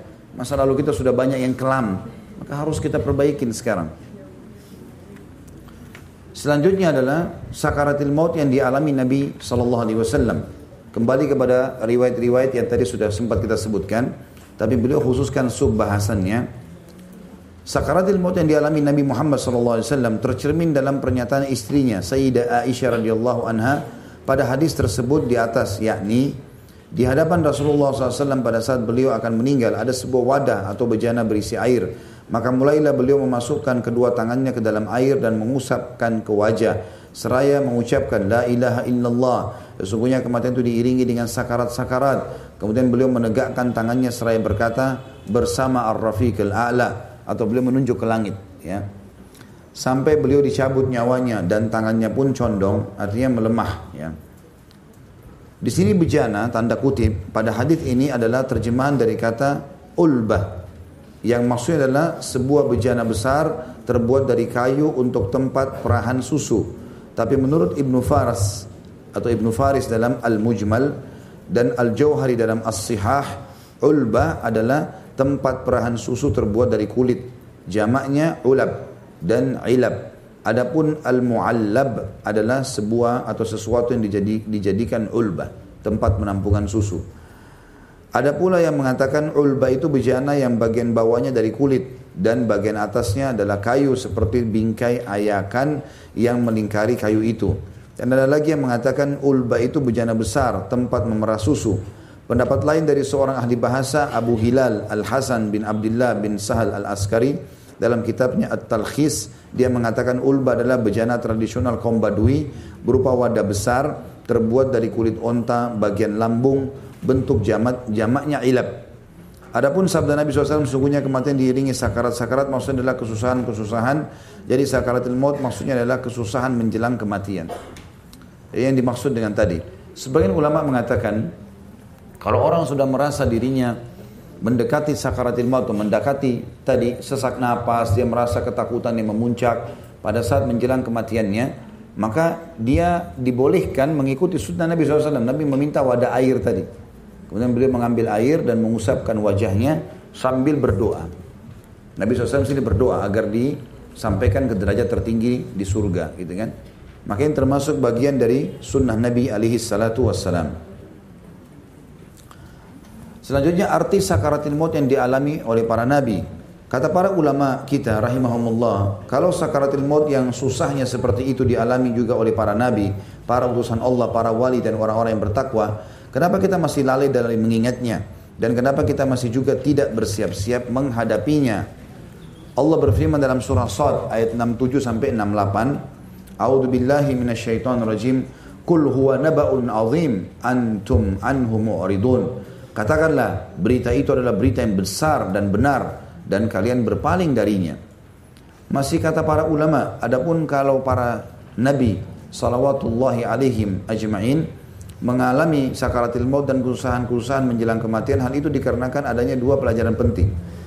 Yang pertama, agar semua orang tahu betapa pedihnya kematian. Karena pedihnya kematian termasuk perkara batin yang tidak nyata Mungkin di antara manusia melihat sebagian orang meninggal dunia dalam keadaan tenang, tidak tampak adanya gerakan ataupun kegelisahan, seorang-orang begitu mudahnya nyawa keluar dari jasadnya, sehingga mereka mengira mati itu gampang. Mereka tidak menyadari bagaimana keadaan sebenarnya yang dialami si mayit. Maka dengan diperlihatkan betapa sakitnya maut itu kepada para nabi yang terkenal jujur dalam menyampaikan berita, sekalipun mereka adalah orang-orang yang mulia di sisi Allah dan sekalipun mati itu tampaknya ringan pada sebagian orang namun diharapkan manusia akan berkesimpulan bahwa maut yang dialami dan dirasakan orang mati itu hakikatnya benar-benar sakit. Sebab hal itu dinyatakan dalam berita-berita dari para nabi yang jujur. Kecuali kematian yang dialami seorang pahlawan syahid yang mati dibunuh oleh orang-orang kafir. Sebagaimana akan diterangkan nanti. Nanti ada tingkatan-tingkatan sakaratil maut, ada bahasannya. Ini hikmah dulu kenapa para nabi-nabi dalam beberapa riwayat dinyatakan merasakan sakaratil maut. Yang kedua, barangkali ada sebagian orang yang bertanya-tanya, bukankah mereka itu kekasih-kasih Allah, para nabi dan para utusannya? Tapi kenapakah mereka mengalami kesusahan-kesusahan yang sedemikian besarnya? Padahal Allah tentu bisa meringankan mereka semua. Sebagaimana dinyatakan dalam kisah Ibrahim. Padahal sungguh kami benar-benar telah meringankannya untuk Muhai Ibrahim. Maka jawabnya ialah, sebagaimana dinyatakan oleh sabda Nabi SAW, Inna dan nasi bala'un bala'an al-anbiya thummal amthal fal amthal. Dalam hadis Bukhari, sesungguhnya manusia yang paling berat cobaannya di dunia adalah para nabi dan orang yang orang yang mirip dengan mereka. Lalu orang-orang yang paling mirip lagi dengan mereka berikutnya. Allah Subhanahu wa taala memberi cobaan kata beliau kepada para nabi itu tak lain untuk lebih menyempurnakan keutamaan-keutamaan mereka dan mengangkat derajat-derajat mereka di sisinya.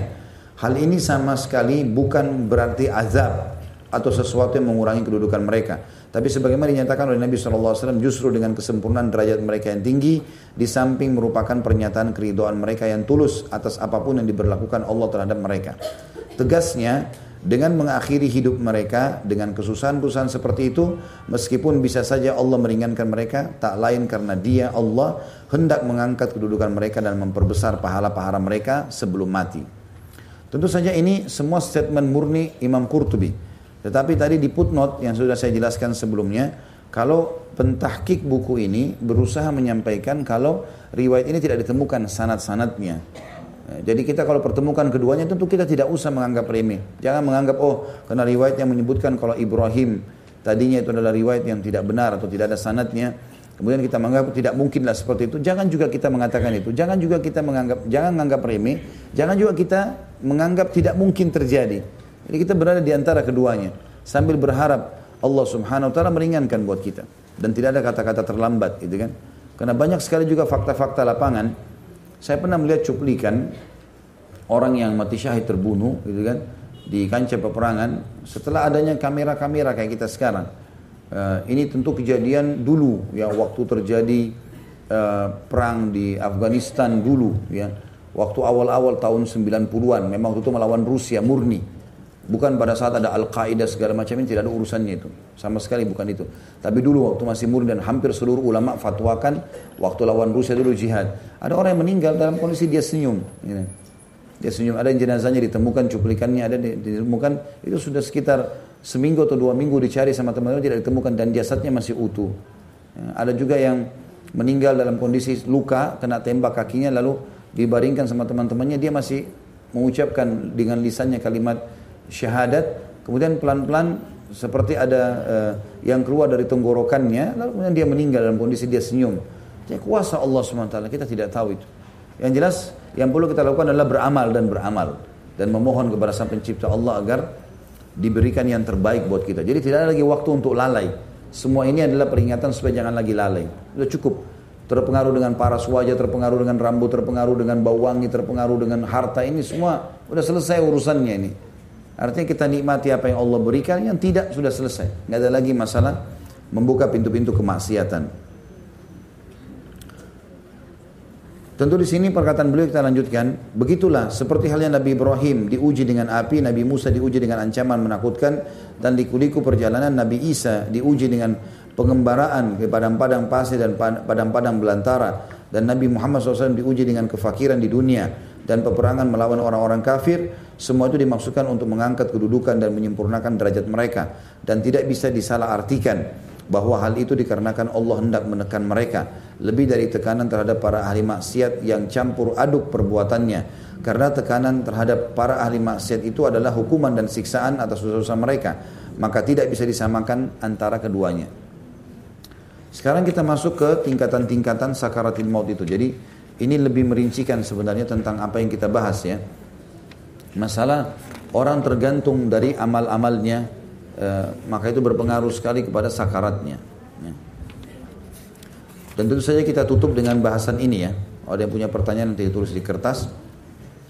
Tingkatan-tingkatan sakaratil maut. Jika ada orang yang bertanya, apakah semua makhluk akan mengalami sakaratil maut? Sebagian ulama berkata berdasarkan prinsip dan pendapat yang benar bahwa piala maut itu pasti pahit rasanya meskipun telah dan akan terus dikecap. Tetapi di sana memang ada dua golongan, ada beberapa kemungkinan dan beberapa pertimbangan. Hanya Allah yang maha suci dan maha tinggi, yang maha kekal, esa, tidak ada sekutu baginya, maka dia memperlakukan sunnah kehancuran dan kebinasaan atas seluruh makhluknya, kecuali terhadap dirinya sendiri. Namun boleh saja bagi Allah membeda-bedakan di antara para makhluknya dalam hal ini, khususnya di antara makhluknya yang kasat mata, sesuai perbedaan kedudukan dan derajat masing-masing yang telah dia tentukan. Dan tentu juga kalaupun sakaratil maut itu dilalui, maka semua juga kita akan lalui, setelah itu sudah tidak lagi kematian, sekali saja itu. Dalam kaitan ini, perlu diterangkan bahwa ada jenis makhluk hewani yang berasal dari tanah, yaitu manusia, dan yang bukan manusia dan di atasnya ada alam rohani dan bangsa ulwani ridwani ya. Yang dimaksud di sini adalah ruh ya. Tapi semuanya tetap menengguk piala mati atau piala maut itu dan merasakan cekikannya. Sebagaimana firman Allah Subhanahu wa taala dalam surah Imran 185, A'udzu billahi minasyaitonir kullu nafsin zaikatul maut. Semua jiwa pasti akan merasakan mati.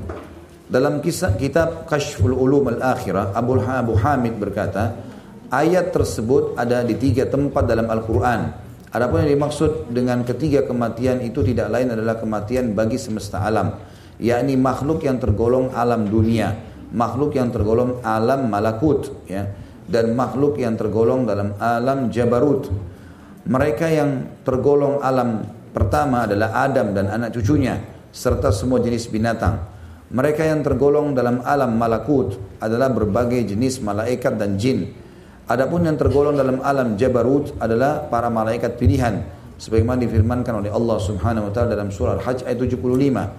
Allah memilih utusan-utusannya dari malaikat dan dari manusia. Para malaikat pilihan yang dimaksud ialah para malaikat karubiyun ya. atau maaf juga para pembawa arsh dan para penjaga sur, suradiq ya sebagaimana diterangkan dalam firman Allah Subhanahu wa taala ini perlu kita buka Al-Qur'annya ya kita buka di sini karena dia ayatnya ditulis dalam langsung terjemahan. Surah Al-Anbiya ayat 19 sampai ayat 20. Ya, saya bacakan ya. A'udzu billahi minasyaitonir rajim. Walahu man fis samawati wal ard wa man 'indahu la yastakbiruna an ibadatihi wa la yastahsirun dan milik Allah lah siapa yang di langit dan di bumi dan malaikat-malaikat yang di sisinya tidak mempunyai rasa angkuh untuk menyembahnya dan tidak pula merasa sedih yusabbihuna yusabbihuna al-laila wan nahara la yafturun. Mereka selalu bertasbih tidak henti-henti malam dan siang hari. Tentu ayat ini menjelaskan tentang adanya alam malaikat. Yang beliau maksudkan di sini adalah adanya seluruh makhluk adanya dalil seluruh makhluk yang diangkat atau dibinasakan oleh Allah Subhanahu wa taala. Begitu pula dalam firman Allah para penghuni Hadratul Quds. Ya ini artinya tempat yang mulia seperti firman Allah dalam surah Anbiya ayat 17 kita mundur dua ayat uh, ke belakang. Ya. A'udzu billahi minasyaitonir rajim. Lau aradna an nattakhidha lahwan lattakhadnahu min ladunna in kunna fa'ilin. Seandainya kami hendak memberi suatu permainan ya, istri dan anak tentulah kami membuatnya dari sisi kami. Jika kami menghendaki berbuat demikian tentulah kami telah melakukannya. Ya. jadi yang dimaksud adalah para malaikat yang berada di sisi Allah subhanahu wa ta'ala yang juga dianggap malaikat-malaikat pilihan seperti pemikul singgasana Allah yang delapan uh, Jibril Mika, pemimpin para malaikat Mikail wakilnya ya. Israfil peniup peniup sangkakala. Itu semua nanti akan menurut riwayat-riwayat yang ada walaupun ini riwayat masih ditelusurin lagi oleh para ulama tentang kesohihannya mereka semua akan melalui proses sakaratil maut artinya dicabut rohnya Meski sedemikian tinggi kedudukan mereka, para malaikat pun tetap akan mati dan sekalipun mereka adalah makhluk-makhluk yang sangat dekat dengan Allah Subhanahu wa taala, namun kedekatan itu tetap tidak menghalangi kematian mereka. Ibnu Qussi berkata, sebagaimana cara hidup di berbagai alam tersebut berbeda-beda, maka berbeda pula cara merasakan masing-masing ketika mengecap sesak maupun pahitnya maut. Perasaan makhluk ruhani terhadap hal-hal yang bersifat ruhani adalah seperti hal yang dialami orang tidur dalam kantuknya atau rasa tersendat menyakitkan yang dia rasakan dalam tidurnya. Dalam tidur itu dia memang merasa tersendat dan gelisah sehingga dia terbangun. Tapi setelah bangun ternyata dia tidak merasakan apa-apa. Dia merasa enak kembali dan hilang rasa sakit yang dialami bahkan tetap aman dan nyaman. Ini yang dimaksud dengan uh, penjelasan beliau sakaratil maut yang dirasakan pada saat prosesi pencabutan maka seperti orang yang sedang mengalami alam tidur pada saat dia jatuh dari tempat dipukul orang, dia rasakan ya dia berperang, ya mungkin dia ditusuk, dia disiram apa itu seperti itulah.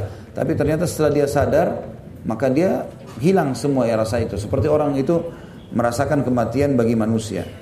Demikian pula perasaan makhluk ulwi kutsi, maksudnya para malaikat terhadap hal-hal yang bersifat ruhani adalah seperti hal yang dirasakan oleh orang yang mengantuk terhadap hal-hal yang bersifat ruhani. Tentu saja semua ini tidak dapat dijangkau oleh akal manusia kecuali berupa dugaan-dugaan belaka dan tidak bisa dipelajari kecuali dalam bentuk imajinasi atau pencarian gejala-gejalanya saja. Adapun perasaan makhluk paling bawah yakni perasaan manusia dan jin terhadap kematian hampir tidak terkatakan dengan tentang khususan-khususan dan cikikan-cikikan yang menyendak lehernya.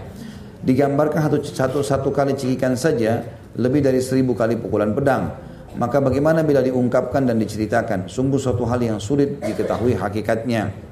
Sementara itu manusia dalam menduga rasa kematian pun berbeda-beda, bergantung pada perbedaan tingkatan dan cara berpikir masing-masing. Golongan Islam menduga rasa kematian dalam pikiran mereka tidak seperti yang diduga oleh orang non-muslim. Kemudian golongan-golongan Islam itu sendiri ternyata ada yang menduga tidak persis seperti yang dinyatakan oleh para nabi atau para pengikutnya. Lain dari itu, para nabi sendiri selalu sesuai pribadi dan tingkatan perasaan masing-masing juga berbeda dalam menggambarkan pedihnya maut sesuai dengan perbedaan nilai kata dan hakikat kebenaran yang diungkapkan karena para nabi juga memiliki keutamaan dan keistimewaan yang berbeda. Allah berfirman dalam Al-Baqarah 253 A'udzu billahi minasyaitonir rajim. Tilka rusulu faddalna ba'dahum ala ba'd minhum man kallama Allah wa rafa ba'dahum ba'dahum ba'dahum darajat. Rasul-rasul itu kami lebihkan sebagian dari mereka atas sebagian yang lain. Di antara mereka ada yang Allah berkata-kata langsung dengannya dan sebagian lainnya Allah meninggikannya beberapa derajat. Nanti tentu kita simpulkan di akhir bab ini ya. Sementara itu Allah telah menyatakan diringankannya rasa kematian atas Ibrahim alaihissalam dan firmannya padahal sungguh kami benar-benar telah meringankannya untuk Muhai Ibrahim. Dengan pernyataan seperti itu berarti tidak ada yang lebih ringan lagi daripada itu. Demikian pula orang apa yang apa yang dikata, dinyatakan oleh Allah Taala sebagai yang sebagai yang paling besar dan paling hebat, maka tidak ada lebih dari besar dan lebih hebat daripadanya. Meskipun boleh saja orang berkata ini kematian yang ringan atau ini kerajaan yang besar dan hebat, tapi tentu tidak sehebat kenikmatan surga. Perhatikan firman Allah dalam surah Insan ayat 20 dan apabila kamu melihat di sana surga, maka niscaya kamu akan melihat berbagai macam kenikmatan dan kerajaan yang besar. Wa idza ra'aitum ra'aitum thamma ra'aita mulkan Wa idza ra'aitam thamma ra'aita na'iman wa mulkan kabira. Itu ayatnya. Dan kalau kalian melihat di surga nanti ini saya kalian akan melihat berbagai macam kenikmatan dan kerajaan yang besar. Sebagaimana tidak ada yang lebih hebat daripada kerajaan surga, maka tidak ada yang lebih ringan daripada kematian Khalilullah Ibrahim alaihissalam. Demikian kata Ibnu Qudsi, Allahu alam. Kalau kita simpulkan apa yang sedang dibahas tadi panjang lebar paragraf-paragraf ini, mati pasti datang, Kemudian semua akan merasakan itu baik orang soleh ataupun orang kafir. Akan terjadi perbedaan dan tingkatan-tingkatan sesuai dengan kehendak sang pencipta Allah. Kalaupun sebetul dibetulkan riwayat-riwayat tentang sakitnya sakaratil maut, maka tentu saja ini semua juga dengan hikmah Allah. Makanya ulama memberikan rincian, mengatakan bisa saja sakaratil maut itu seperti orang yang sedang merasakan secara ruh. Pada saat dia lagi mimpi, dipukul, disakitin, kemudian pada saat dia terbangun, maka atau sudah proses pencabutan ruh maka dia seperti biasa saja. Ini semua kesimpulan-kesimpulannya. Tapi yang kalau kita rangkumkan Bapak Ibu sekalian sekali lagi jangan dianggap remeh tentang masalah ini dan jangan juga terlalu berlebihan. Kita berada di tengah-tengahnya dengan tetap berharap rahmat Allah Subhanahu wa taala. Karena syaitan bisa masuk mengatakan kalau orang soleh saja disusahkan maka mungkin lebih baik kita tidak usah beribadah misal. Maka ini lebih bahaya ya. Maka kita meringankan. Atau orang mengatakan kalau orang kafir juga akan rasakan sakit, ya, maka sama dengan orang maka tidak ada masalah kita jadi orang kafir. Ini semua pernyataan yang tidak boleh ada. Karena ini masih banyak yang diterka-terka tanda kutip di sini oleh para ulama karena tidak nyata, tidak kelihatan. Maka kita harusnya mengambil kesimpulan benang merah dari hadis-hadis yang ada seperti Nabi waktu mau meninggal, beliau mengalami prosesi-prosesi itu. Seperti adanya tekanan-tekanan jiwa, rasa sakit, ketakutan, itu yang dianggap sakarat. Itu ada riwayat sahihnya. Masalah prosesi keluarnya ruh ini belum digambarkan. Karena riwayat-riwayat yang tadi disebutkan tentang Ibrahim alaihissalam, tentang Musa, umumnya sudah diteliti, hadisnya tidak ada isnadnya ke Nabi SAW. Ini pernyataan. Tapi tetap saja kita menganggap bahwasanya itu adalah prosesi yang harusnya seorang muslim berhati-hati darinya. Kita akan tutup uh, bahasan kita dengan maut bencana terbesar. Ini sub bahasan terakhir dalam bab kita. Setelah memahami keterangan di atas dengan benar, maka ketahuilah bahwa maut adalah peristiwa paling dahsyat, kejadian paling mengerikan dan sebuah piala yang rasanya paling dibenci dan tidak disukai. Dialah pembinasa yang memutuskan segala kelezatan, pemenggal segala kesenangan dan pembawa segala kepedihan.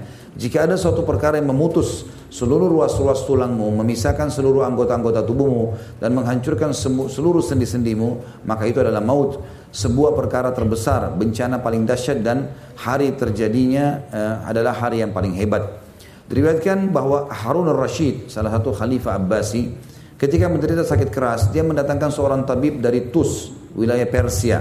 Dokter itu meminta supaya diperlihatkan kepadanya air seni al-Rashid beserta air seni beberapa orang lainnya yang sakit maupun yang sehat. Kemudian dia meneliti air seni yang berada di dalam botol-botol yang disediakan Ketika meneliti air seni Ar-Rashid, dokter menyeru, katakan pada para pemilik air seni supaya dia menulis wasiat. Sesungguhnya kekuatannya telah memudar, bangunan fisiknya telah runtuh. Ketika dokter itu hendak meneliti air seni lainnya, tiba-tiba terdengar seruan iqamah. Maka dia pun pergi. Ternyata di sana Ar-Rashid merasa putus asa terhadap kondisi dirinya sehingga dia bersenandung sungguh tabib dengan ketabibannya dan obatnya juga ternyata tidak dapat menahan ajal manusia bila telah tiba. Kenapa kata tabib ternyata mati juga oleh penyakit yang serupa yang biasanya dapat dia sembuhkan seperti yang sudah-sudah dia lakukan. Ternyata memang semua akan mati, si pemberi obat dan yang diobati, si penyangkut obat dan si pemberinya dan orang yang menjualnya juga mati. Ar-Rashid agaknya mendengar bahwa berita tentang kematiannya menggemparkan khalayak ramai, maka dia minta didatangkan seekor keledai untuk membawanya pergi dan ternyata kedua pahanya lunglai, maka dia berkata, "Turunkan aku." Benarlah orang-orang yang gempar itu. Selanjutnya dia minta beberapa lembar kain kafan untuk dipilih yang paling menarik baginya.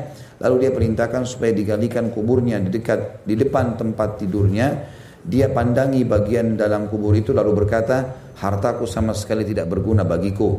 Kekuasaanku, kekuasaanku pun telah hilang dariku. Malam itu juga Ar-Rashid meninggal dunia. Perlu Bapak Ibu tahu ya, Harun Ar-Rashid ini seorang khalifah yang terkenal dengan kekuatan fisiknya, kekayaannya dan kesolehannya. Dia sama istrinya suka sekali bersedekah. Istrinya lah yang membangun saluran air zam-zam yang ada antara Arafah dengan Mina. Ya. Yang sampai sekarang kalau kita lagi tur city, kita melihat kalau lagi bukan musim haji, itu terlihat sekali masih ada sisa-sisa bangunannya. Dan istrinya juga yang terkenal pada saat sudah meninggal dunia, dia suka sekali sedekah. Dia suka memberikan jemaah haji minuman, makanan, segala macam. Dia suka bantu kerabat-kerabatnya kalau jihad dia biayai. Lalu pada saat dia meninggal, salah satu kerabatnya mimpi, istrinya Harun Rashid. Nanti kita kembali ke Harun Rashidnya. Maka dia ponakannya mimpi yang selalu dibantu. Lalu dia tanya, tante apa yang Allah balas kamu sekarang? Dalam kisahnya disebutkan begitu ya. Dia bilang tidak ada amal saya yang diterima sama Allah. Kata ponakannya, mana biaya jihad, mana biaya ini, mana biaya itu yang kamu bantu si fulan, bantu si fulan, termasuk air yang dibawa minum jemaah haji. Susah waktu itu pakai unta bawanya, jauh ke Arafah gitu kan. Musim panas tidak ada pohon pada saat itu. Kata dia semuanya ria, nggak diterima. Dan Allah memaafkan saya justru dengan sholat malam yang rutin saya kerjakan tidak ada orang yang tahu. Istri seorang raja. Jadi harusnya kita beramal yang baik. Harun Rashid juga begitu. Orang yang suka ibadah luar biasa. Maka dia pada saat mendengarkan dia akan meninggal dunia. Tabib mengatakan suruh tulis wasiat. Maka dia pun ingin menunjukkan kepada orang kalau itu belum. Dia coba disuruh datangkan keledai lalu dia naik ke atasnya ternyata kakinya sudah tidak kuat. Melemah. Lalu kemudian dia diturunkan. Kalau kita tanggapi kisah Harun Rashid, kita akan mengatakan mungkin ini adalah proses sakarat. Jadi maksudnya dia merasa lemas badannya, dia merasa ini, dia merasa itu. Itu adalah proses sakarat sebagaimana sudah kita jelaskan tadi. Ini semua bisa digambarkan. Tetapi masalah maut waktu dicabut, ini Allah alam. Kuasa Allah SWT. Tapi ada memang riwayat sahih, riwayat Bukhari yang berbunyi, sesungguhnya orang semua merasakan sakaratil maut, kecuali syahid yang merasakan seperti gigitan semut. Ini riwayat sahih. Artinya ada tapi kecil. Tidak seperti yang digambarkan tadi gitu kan. Saya sudah ingatkan tadi Bapak Ibu sekalian jangan menganggap remeh hal-hal seperti ini. Jangan juga terlalu berlebihan dalam masalah ketakutan sehingga akhirnya tidak lagi mau beribadah. Ada orang puncaknya begitu. Tapi kita di sini berada tetap mengamalkan amal soleh bersangka baik dengan Allah Subhanahu Taala. Sebagaimana sabda Nabi SAW, janganlah kalian meninggal sementara kalian sudah kecuali kalian bersangka baik pada Tuhan kalian. Kemudian kita tutup Bapak Ibu sekalian dengan oleh karena itu kata beliau paragraf di sini, apa yang kamu pikirkan semoga Allah merahmatimu telah dengan datangnya maut yang pasti menimpamu uh, yang merenggut ketampanan dan kecantikanmu, merubah penampilan dan raut mukamu dan memisahkan dari orang-orang dekatmu, bahkan kenikmatan dan kegemerlapan, kekuasaan dan kemampuan, kebanggaan dan keagungan semuanya kamu tinggalkan ini tidak berdaya dan terpuruk tidak ke dalam satu keadaan di mana orang yang paling kamu cintai dan sayangi akan bergegas datang kepadamu lalu melemparkan dirimu ke dalam lubang yang di tanah yang yang sangat sempit di sisi sisi-sisinya gelap dan pengap karena himpitan tanah dan batu yang kokoh. Tak lama kemudian binatang-binatang kecil dan cacing-cacing menghampiri dan mempercundangkanmu. Maka hancur leburlah jasadmu bercampur baur dengan tanah. Kamu menjadi tanah yang diinjak-injak kaki siapa saja Bahkan mungkin tanah yang berdiri dari jasadmu itu kemudian dijadikan bejana tembikar, dijadikan batu bata untuk membangun dinding rumah, dijadikan pelapa kamar mandi dan tungku api atau tungku api. Perhatikanlah riwayat dari Ali bin Abi Thalib radhiyallahu anhu bahwa dia pernah menghampiri sebuah bejana untuk minum darinya. Dia mengambil bejana itu dengan tangannya dan memperhatikannya lalu berkata, Allah lebih tahu betapa banyak mata jeli dan pipi mulus yang ada padamu. Ya. Maksudnya Ali bin Abi Thalib mengatakan memang ini sekarang orang merasa nikmat minum air tapi nanti akan hilang, tidak akan membutuhkanmu lagi. Air tidak dibutuhkan lagi pada saat mati.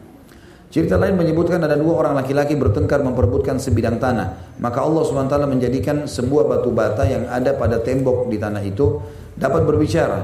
Batu bata itu berkata, hai dua orang. Kenapa kalian bertengkar? Apa yang kalian perebutkan? Sungguhnya aku dulu adalah seorang raja. Aku telah menjadi raja sekian tahun lamanya. Lalu aku mati dan menjadi tanah. Aku tetap menjadi tanah selama seribu tahun Kemudian se seorang tukang tembikar mengambilku dan mengelolahku menjadi sebuah bejana. Lalu aku dipakai sampai akhirnya pecah dan kembali lagi menjadi tanah. Begitu seterusnya. Aku tetap menjadi tanah selama seribu tahun lagi. Seorang mengambilku lagi, lalu aku dicetak menjadi sebuah batu bata pada tembok ini. Maka kenapa kalian bertengkar dan apa yang kalian perebutkan? Jadi ini kisah dinukil cerita ya, tapi kita ambil pelajaran darinya.